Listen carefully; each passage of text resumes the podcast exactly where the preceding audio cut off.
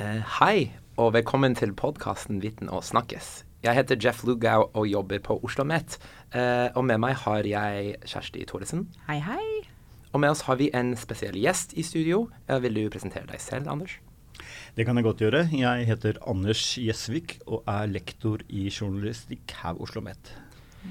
Og grunnen til at vi snakker med Anders i dag, er at vi nærmer oss pride-tider her, her i Oslo. Uh, pride begynner offisielt om uh, litt over tre uker. Og Anders skal uh, holde et innlegg i det regi av Oslo Pride på det som heter Pride House på Youngstorget. og snakke om samme tema som vi skal snakke om sammen i dag. Mm. Og du har rett og slett forska på medienes omtale av homofile gjennom en god del tiår. Mm. Eh, og det blir jo da en spennende og lærerik kronologisk historie vi skal få høre deg fortelle i dag. Så eh, hva med å begynne litt fra begynnelsen? Når ble liksom homofile omtalt i mediene for første gang? I Norge så finner man de første omtalene av homofile rundt forrige århundreskifte. Altså skiftet fra 1800 til 1900-tall. Men da var det ikke nødvendigvis ordet Husker jeg ikke i farten. Jeg, jeg, lurer på om det er et funn allerede fra 1909 ordet homoseksuell, som man sa på den tiden, ble brukt. Men um, det var mange innlegg, men uten å nevne det unevnelige ordet. Mm. Men, har, eh, men, det du har sett på, det, da starta du på 1950-tallet. Mm -hmm. mm, hva var grunnen til det? Hvordan var liksom samfunnet da? På 1950-tallet så hadde vi en tid hvor det knapt fantes en eneste nordmenn, nordmann som hadde møtt en uh, homofil. Uh, det skulle gå 18 år før den første homofile sto fram offentlig med navn og ansikt i Norge. Så folk flest ante ikke. Det, homofile var bare noe man hadde lest om, hørt om. Uh, og stort sett bare hørt negative ting om. og man hadde ikke noe korrektiv, for man hadde ikke møtt et levende menneske. Og um, ganske talende er det at i 1947 så gjorde Norsk Gallup en undersøkelse av nordmenns holdninger til ulike former for kriminalitet. Og da ble homofili, eller homoseksualitet som man sa den gangen, kåret til den tredje verste forbrytelsen, bare forbigått av voldtekt og bord. Oi, oi. Men dette her var Da var det homofile menn det var snakk om? Ja. det er, eh, hele oppmerksomheten har hele tiden vært rettet, uh, stort sett i samfunnet og i høy grad i media, mot homofile menn. Det skyldes at man hadde en holdning av, en gammel holdning av at kvinner var stort sett seksuelt passive. Og passiv og passiv blir det jo ikke mye ut av, mens menn var veldig aktive. Så det, det, det betyr at og Det er også belagt historisk av andre forskere at det var ikke så noe stort problem at to damer bodde sammen. Det var ingen som begynte å mistenke dem for noe, selv om de, de kunne nesten holde hverandre i hånden, for det var bare kjærlig. Mm. Men det var ikke seksuelt. Mens det øyeblikk to menn bodde sammen, så ble mistanken rettet mot dem. Eh, jeg har lyst til å snakke litt mer om, eh, om 50-tallet og hvordan eh, de homofile mennene blir fremstilt i mediene da. Jeg syns tittelen Eh, på den uh, faglige artikkelen som du har skrevet om temaet du skal forelese om på Pride House, er veldig uh, megettalende. Den, den, lyder fra ansiktsløs skurk til synlig helt. Uh, vil du ta oss litt gjennom hvordan denne ansiktsløse skurken så ut i mediene i, fra og med 50-tallet? Mm. Um, mesteparten av artiklene som omtaler um, homofile Nå bruker jeg det ordet, selv om man da tidlig på 1950-tallet brukte homoseksuell. Uh, det, de var um, fremstilt i, uh, innenfor kriminaljournalistikken. Veldig mye bruk av politikilder. Og det dreide seg om uh, at de hadde begått lovbrudd, eller var mistenkt for lovbrudd. Og mesteparten av artiklene handlet om utenlandske eh, homofile. Særlig svenske og danske. Eh, og de ble fremstilt som eh, eh, de, de, For det var, det var, kun én person som sto fram med navn og ansikt eh, på 1950-tallet i norske aviser. Og han var en danske, lederen for det danske forbundet for homofile. Men ellers så var de ansiktsløse. Uh, og de var nesten ikke Altså, det var ikke homofile kilder. Noen få, men veldig, veldig få. Og mm, dermed ble den homofile mannen fremstilt som en ansiktsløs, overseksuell. Det ble veldig vektlagt at han var opptatt av det. Og man hadde en gammel tanke om at uh, homofili var smittsomt. Det stammer fra, mye fra Freud og psykoanalysen, som på 1930-tallet fikk veldig gjennomslag i Vesten med tanken om at barn var enormt sårbare og formbare seksuelt. Så man hadde en redsel for at, at et barn eller en ung person som på noen måte bare var sammen, ja, nesten i samme rom, eller sosialt sammen med homofile, ville bli homofile. Så Sånn sett var han en trussel, fordi han, han var grenseløs, og han, og han, smittet ungdommen med sin homofili. Forferdelig. Men, men, eh, ja, så da var det på en måte i kraft bare av å være homofil som var liksom det skurkbelagte?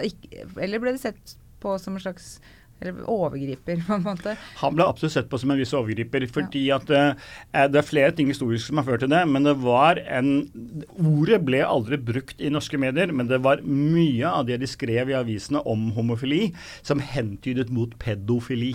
Mm. Det kan delvis også kobles litt med, med denne um, psykoanalysen, altså Freuds uh, tankegang. Men um, det var der absolutt. Det var ofte nevnt uh, noe Det fantes jo tilfeller hvor det var beviselig mindreårige, men så var det også saker hvor det på en måte bare ikke fantes noe belegg for det, men det ble hintet mot at det var det. Hvor lenge, hvor lenge ble dette skurkestempelet beholdt da i mediene? Det, altså det var jo en overgang fra Altså når jeg analyserte alle artiklene jeg fant i norske aviser på eh, altså hele 1950-tallet, fram til, til og med 1959, så var to to av tre artikler tilhørte kriminaljournalistikken. Men den siste tredjedelen tilhørte den politiske journalistikken. Og der, den handlet i mye større grad om den homofile som et offer for majoritetens undertrykkelse. Slik at Den var et mindretall, men der fikk han ikke skurkerollen, som han gjorde i kriminalartiklene, men offerrollen i mye større grad. Og utover 50-tallet så økte andelen Altså det dreide seg mer og mer mot politiske, og det ser vi fortsatt utover på 60-tallet. Så har du stort sett samme bevegelsen. Um, det, men, men, altså skurken, er, når han endelig dør, er litt vanskelig å si. Men uh, han lever i hvert fall et uh, godt stykke utover uh, over um, 60-tallet. Og nok litt inn på 70-tallet. Og gjennom den perioden, 50-tallet, 60-tallet og inn i 70-tallet, hvordan endret det norske folkets syn på homofile? Eh, hvordan endret det seg, eller, eller hvem ja, hvordan, en, hvordan, endret det seg? Altså, uh, Forble nordmenn eh, utelukkende negative og skeptiske til eh, homofile, eller så vi en gradvis endring, endring, i holdninger? Vi så en gradvis endring. Um, det ble i 1968 som var det en forsker som undersøkte nordmenns holdning til homofili. Og da er det faktisk et flertall i befolkningen som mener at det bør legaliseres. For Sverige eh, Danmark legaliserte homofili nå husker jeg ikke om det var 1930 eller 1933, og, og Sverige i 1944. Så Norge var jo sånn sett lenge, veldig mye hang etter da, eh, i det. Men da var det faktisk et flertall i befolkningen for å gjøre det. Det skal dog sies at det undersøkelsen viste, var at eh, man ønsket at homofile skulle få lov til å være homofile, men de, de skulle ikke synes Altså de, de, folk, hadde ikke noe toleranse for at de på en måte var synlige i samfunnet. Det er jo et annet spørsmål, men hvis du går inn og ser på undersøkelsen i dag, så finner du faktisk mye av det samme i Norge i 2019. Mm. Men den perioden der hvor, uh, hvor, homofile hadde det negative stempelet, eller som skurker og sånn, hadde, hadde, de sjøl noen slags uh, rettighetsforkjempere uh, da? Eller var de liksom organiserte seg på noe vis, eller var det ikke ja. noe kamp på den tida der?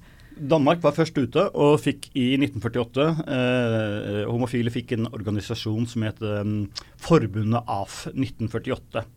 Og rundt 1950 så fikk både Sverige og Norge avdelinger. Det er derfor det heter Det norske forbundet av 1948. Det kom ca. 1950. Og da begynte man å organisere, men det var ingen i styret som sto fram offentlig med fullt navn. Uh, enten så sto de full, fram med fullt navn og, og, ikke flagget, eller så, når de flagget, så var de med pseudonymer. Så det var svært forsiktig. Mm. Hvordan fikk eh, de norske uh, homoseksuelle, homofile, som vi sier i dag, et ansikt? hvordan skjedde det, og når skjedde det? Det skjedde i 1968, da Karen Kristine Friele, mer kjent i, i, dag som Kim Friele, som er eh, kallenavnet hennes, Um, I 1968 sto hun fram i bladet Sosialt arbeid. For hun sto fram som den første personen i Norge som er med, med, fullt navn og sto fram som uh, homofil. Det hadde en veldig positiv effekt, for hvis vi husker at um, det bildet som har dannet seg, den stereotypien som var dannet seg av den homofile, var at det var en ansiktsløs mann som var overseksuell, og som forførte ungdommen til å bli um, homofil. Og så Når det første mennesket som står fram, da er en kvinne, så og Det passet heller ikke med holdningen. Man, man, ikke, altså man, tenkte at en kvinne kunne den gangen altså en kvinne det passes dårligere på overseksuell. Og, um, og, det stemte heller ikke med tanken om å forføre ungdommen. Og ansiktsløs var hun jo ikke, for hun sto jo fram med bilde og navn. Så hun var en ekstra, gikk bare kraften av seg selv, veldig effektiv person til å slåss mot den fordommen. I tillegg så var hun, hun er en veldig ressurssterk dame, så hun gjorde en veldig god kamp. Og det hun gjorde, var at hun satte i gang først å bringe den homofile over i rollen som offer for majoritetens eh, undertrykkelse, som det allerede fantes. Eh, hun hadde støtte av, av, andre deler av samfunnet.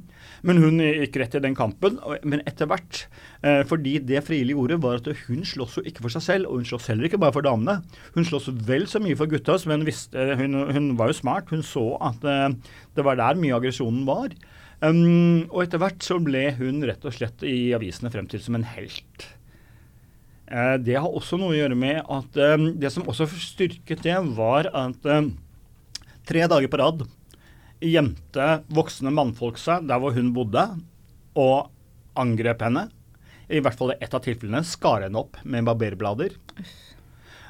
og dette fremstilte jo mediene. Og det betød at den tidligere, når den homofile var skurk, så var den homofobe nesten litt helt. Men hvem hadde lyst til å være på lag med voksne menn, flere voksne menn, som står i mørket og banker opp en liten dame og skjærer den opp med barberblader? Det er ikke et lag du har lyst til å, å være på parti med. Så det var også faktisk nok en hendelse som hadde en god del betydning for å påvirke folk. Mm. Men hva skjedde da videre utover 70- og og 80-tallet, etter at hun hadde begynt? Det, som sagt, altså eh, Friele, som jo var virkelig the grand old lady, eller hun var ikke så old da, men hun, hun er den som ledet an eh, i dette her. Og etter hvert så kom det jo flere òg. Uh, hun ble jo leder for Det norske forbundet. Uh, og, uh, og 1972 ble det jo avkriminalisert homofili i Norge. og situasjonen blir bedre og bedre for de homofile i Norge fram til 1983. For da slår VG opp uh, livsfarlig sykdom komme til Norge. Og Det er det første tilfellet av hiv som da utviklet seg til aids i Norge. Og fra første stund, eller altså før det kom til Norge, hadde allerede avisene skrevet at dette var en sykdom som spredde seg blant homofile menn. Så den var allerede klart koblet til homofile. Og mm, man, dette var jo en tid hvor man hadde, man hadde helt minimale kunnskaper om hiv og aids. Og det var en kjempeskummel sykdom. Mm. Slik at det, det, var vel i, i 1986 var det vel, så hadde man 3000-4000 tilfeller av eh, nordmenn som var hiv-smittede. Og de verste prognosene, helt faglige, var at man kanskje kunne i løpet av fire år nå 100 000 mennesker. Og nå hadde man i mellomtiden funnet ut at den kunne smitte over til heterofile. Fordi, eh, på flere måter, ikke minst fordi at en god del mennesker er bifile. Mm. Så de hadde sex med både homofile og heterofile. Og da hadde, var vi tilbake igjen til Og ingen hadde stått fram som hiv-smittet i Norge. Eh, eh, fram til 1986. Så vi var tilbake igjen til den gamle fordommen om homofil. En homofil er en ansiktsløs, overseksuell mann som truer med å smitte. Men nå var det mye verre enn på 50-tallet. For denne gangen så truet han ikke med å smitte ungdommen til å bli homofil, som man da syntes var ille nok. Nå truet han faktisk med å drepe titusener av mennesker, altså hele befolkningen, sånn som han så det. Og det gjorde at holdningen eh, til homofile utviklet seg i en veldig negativ retning. Seks av ti svarte i en undersøkelse at de ikke ville omgås eh, homofile i det. Ville altså knapt være i samme rom. Mm. Ja, jeg husker jo den eh, tida der, eh, for da var jeg helt liten. Jeg husker jo det var jo Man var jo livredd for at Mm. til slutt så fikk man et inntrykk av at man nærmest kunne bli smitta bare være i samme rom som Mm. Ja. Men jeg bare lurer på, var det utelukkende mediene som liksom tegna det bildet, eller var, det noe, var myndigheten noe med på det i for, forhold til noe sånn med å unngå smitte, eller åssen Det var en stor uenighet blant medisinsk fagfolk Ja. eh, rundt dette. En ganske sånn offentlig krangel hvor de skilte seg en god del. Jeg, nok- jeg opplever nok, uten at jeg har forska på det, men at det, det flertall av helsearbeiderne var på den uh, moderate siden. Eh, men det var absolutt en kamp, ja. Har du noe grunnlag for å sammenligne Norge med Sverige? Jeg tenker umiddelbart på Jonas Gardell sin uh, 'Aldri tørk eh, tårer uten hansker'. mm. Den serien om eh, den samme tiden i Sverige og hysteriet som eh, fulgte eh, utbruddet av hiv i Sverige. Var det verre i Norge? Var det på samme eh, nivå i Norge? Altså dette, dette, denne hysteriske reaksjonen? Jeg, jeg har også sett en nydelig, nydelig serie. eh, men eh, jeg har ikke sett spesielt på, på Sverige og perioden med, med hiv-aids. Det jeg har sett på, det var hvordan svenske aviser fremstilte homofile ved en gang i 1950-tallet. Eh, til tross for at de hadde avkriminalisert i 1944, så eh, Men det høres jo ut som svenskene var så mye kulere enn oss, fordi de var så mange år foran. Men det er faktisk ikke helt Det trodde jeg litt òg, men når du ser etter, så ser du at det, mens man i Norge avkriminaliserte lovlig seint, men allikevel, når det var stor støtte i befolkningen Det var ikke støtte i befolkningen i Sverige når de gjorde det. Eh, og Det betyr at både avi, altså ser at svenske aviser og politiet nærmest slår seg sammen på å, å, å angripe homofile etter at det er legalisert. De bare finner nye måter å gjøre det på. Så for, Den forhistorien kan jeg, men hvordan de, dette var i, i perioden altså på 80-tallet med, med hiv-aids, det, det kjenner jeg ikke til. Men uh, tilbake til oss i Norge, da. Uh, da var det jo altså i dette, denne hysteriske perioden hvor alle ble redde og man, de homofile ble ansiktsløse igjen, som du sa. Hva, når kom vendepunktet på 80-tallet? holdt på å si? Ja, det, det er veldig Det er helt fascinerende uh, hvor raskt det var akkurat som de, du, eh, du kan få et inntrykk av at eh, journalistene var veldig ukomfortable med denne eh, reaksjonære utviklingen. Og, og, og det, akkurat som de lengtet komme tilbake til det positive, liberale sporet. Um, for det, det som skjedde var at I 1986 så sto en ung mann som het Henki Hauge Karlsen fram. En bartender fra Fredrikstad, var det vel. Uh, uh, som sto fram som hiv-smittet i avisene. Og veldig raskt også sto han fram som homofil. Og det var akkurat som bare avisene lengtet etter, for de hadde, de hadde jo fremstilt nå i noen år den hivsmittede hiv-smittede som en skurk. Og dermed den homofile som en skurk. Men det var akkurat som de bare lengtet etter å, å få et nytt spor. Og han ble veldig fort eh, Henki Hauge Karlsen ble veldig fort, nesten, nesten over natta. Um, når han dukket opp, og de bare fikk en person, så ble han fremstilt som et offer for en sykdom som han ikke, ikke kunne klandres for. Og veldig fort, litt parallelt til det jeg nevnte tidligere med, med eh, Kim Friele, fordi han var veldig tydelig på at altså, den gangen så var det ingen tvil om at han skulle dø. Man hadde ikke medisiner som kunne redde han. Det var bare snakk om noen år. Men han brukte alle sine krefter for å slåss for de, de som skulle bli igjen. Og det er veldig nær helten, da, den oppofrende, den som slåss for andre. Og det, at, en ting som er viktig å huske på, er at media liker individer. Det, um, og bli, har en tendens til lettere å gå i en positiv retning hvis de har individer. Uh, eller de kan gå i en negativ retning òg, det er ikke det. Men uh, akkurat som Kim Friele sto fram og ga et ansikt, så gjorde Henke Hauge Karlsen det, det med de hiv-smittede. Og han var en pen, sympatisk ung mann. Type sånn, type sånn en, en av folket. Uh, en veldig sånn vanlig, vanlig gutt. Du ser på bildene i avisene da, um, for det var også en arbeidsrettssak hvor han ble sagt opp.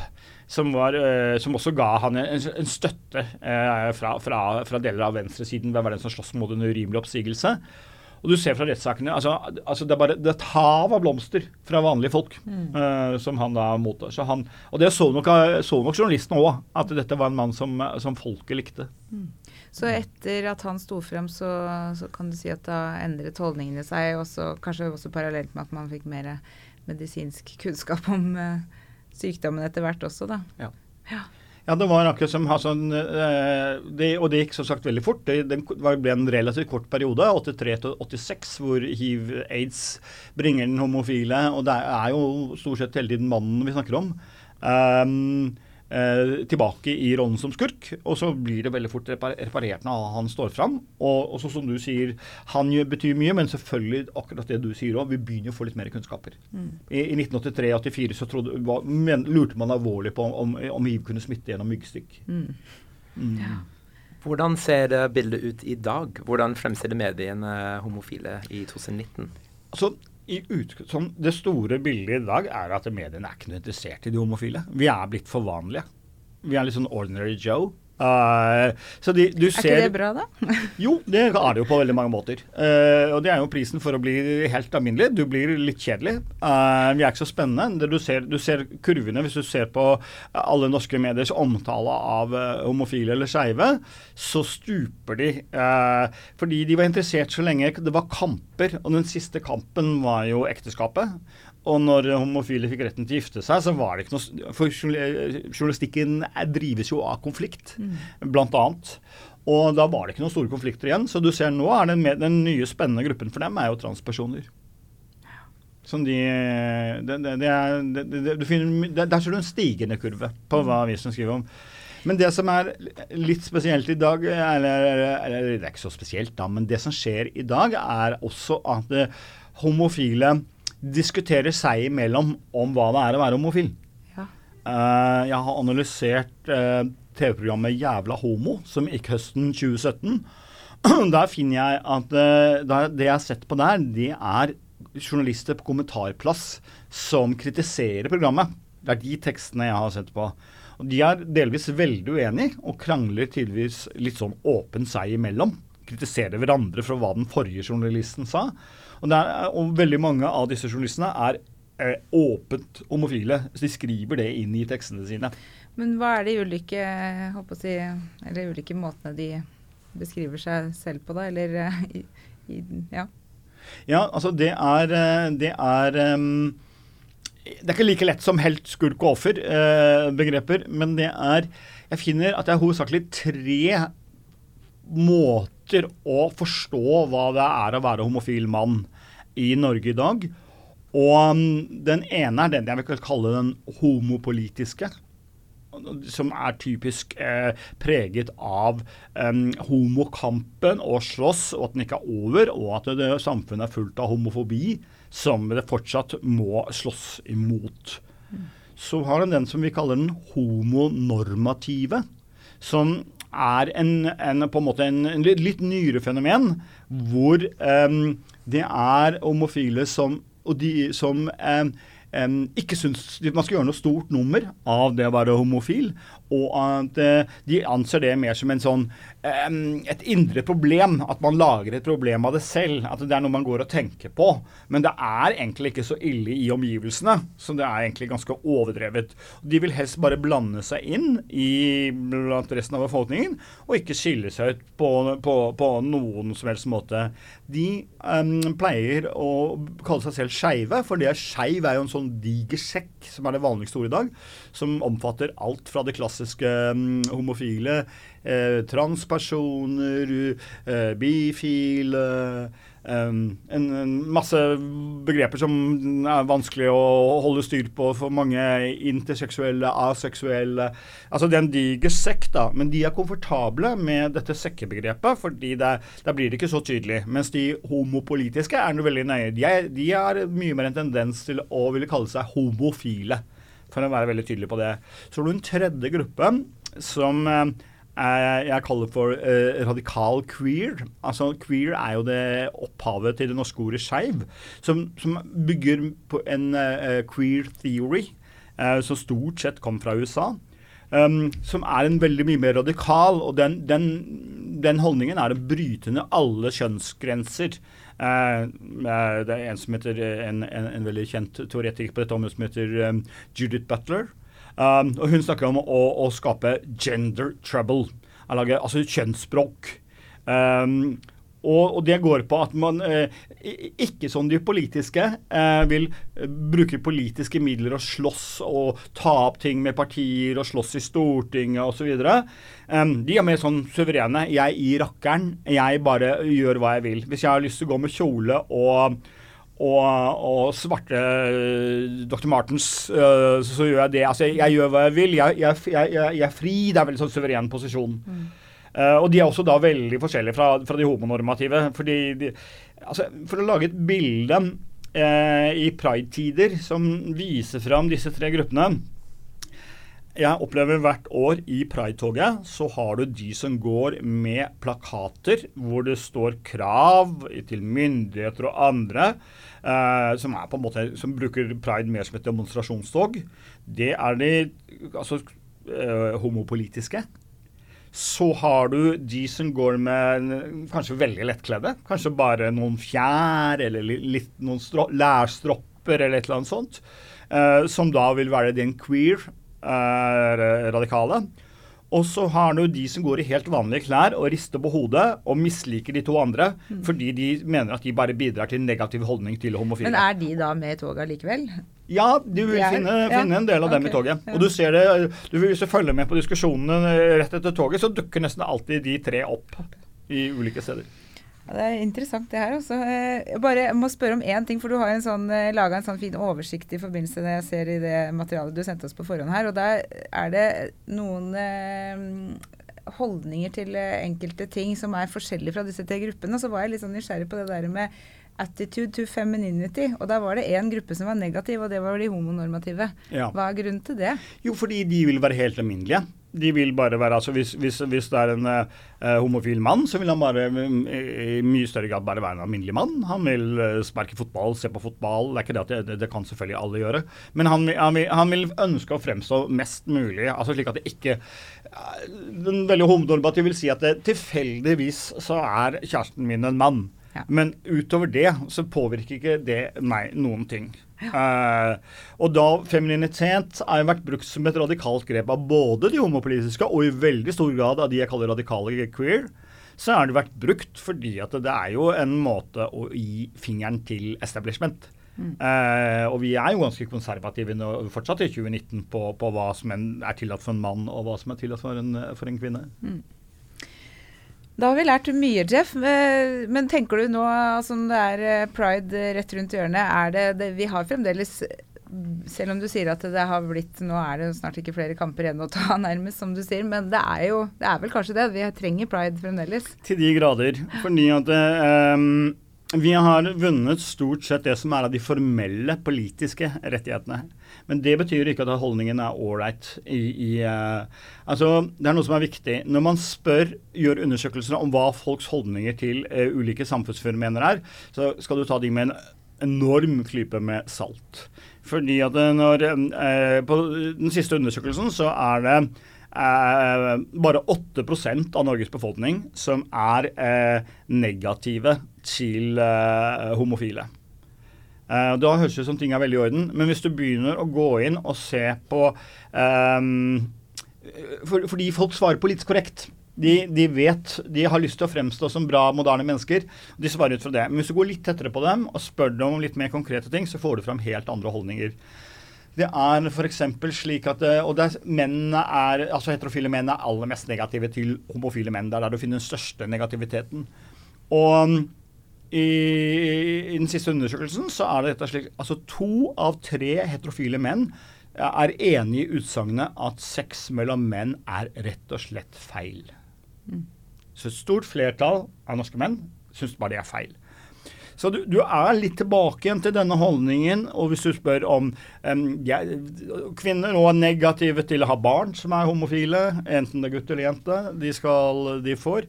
Så hvis du begynner å spørre sånn mer konkret, så finner du veldig mye mer negative holdninger. Hvilket viser at ja, det er stort holdningsarbeid igjen å gjøre. Vi ligger litt sånn i overflaten, og polit politikken er foran. Det er det ofte på en del sånne kamper.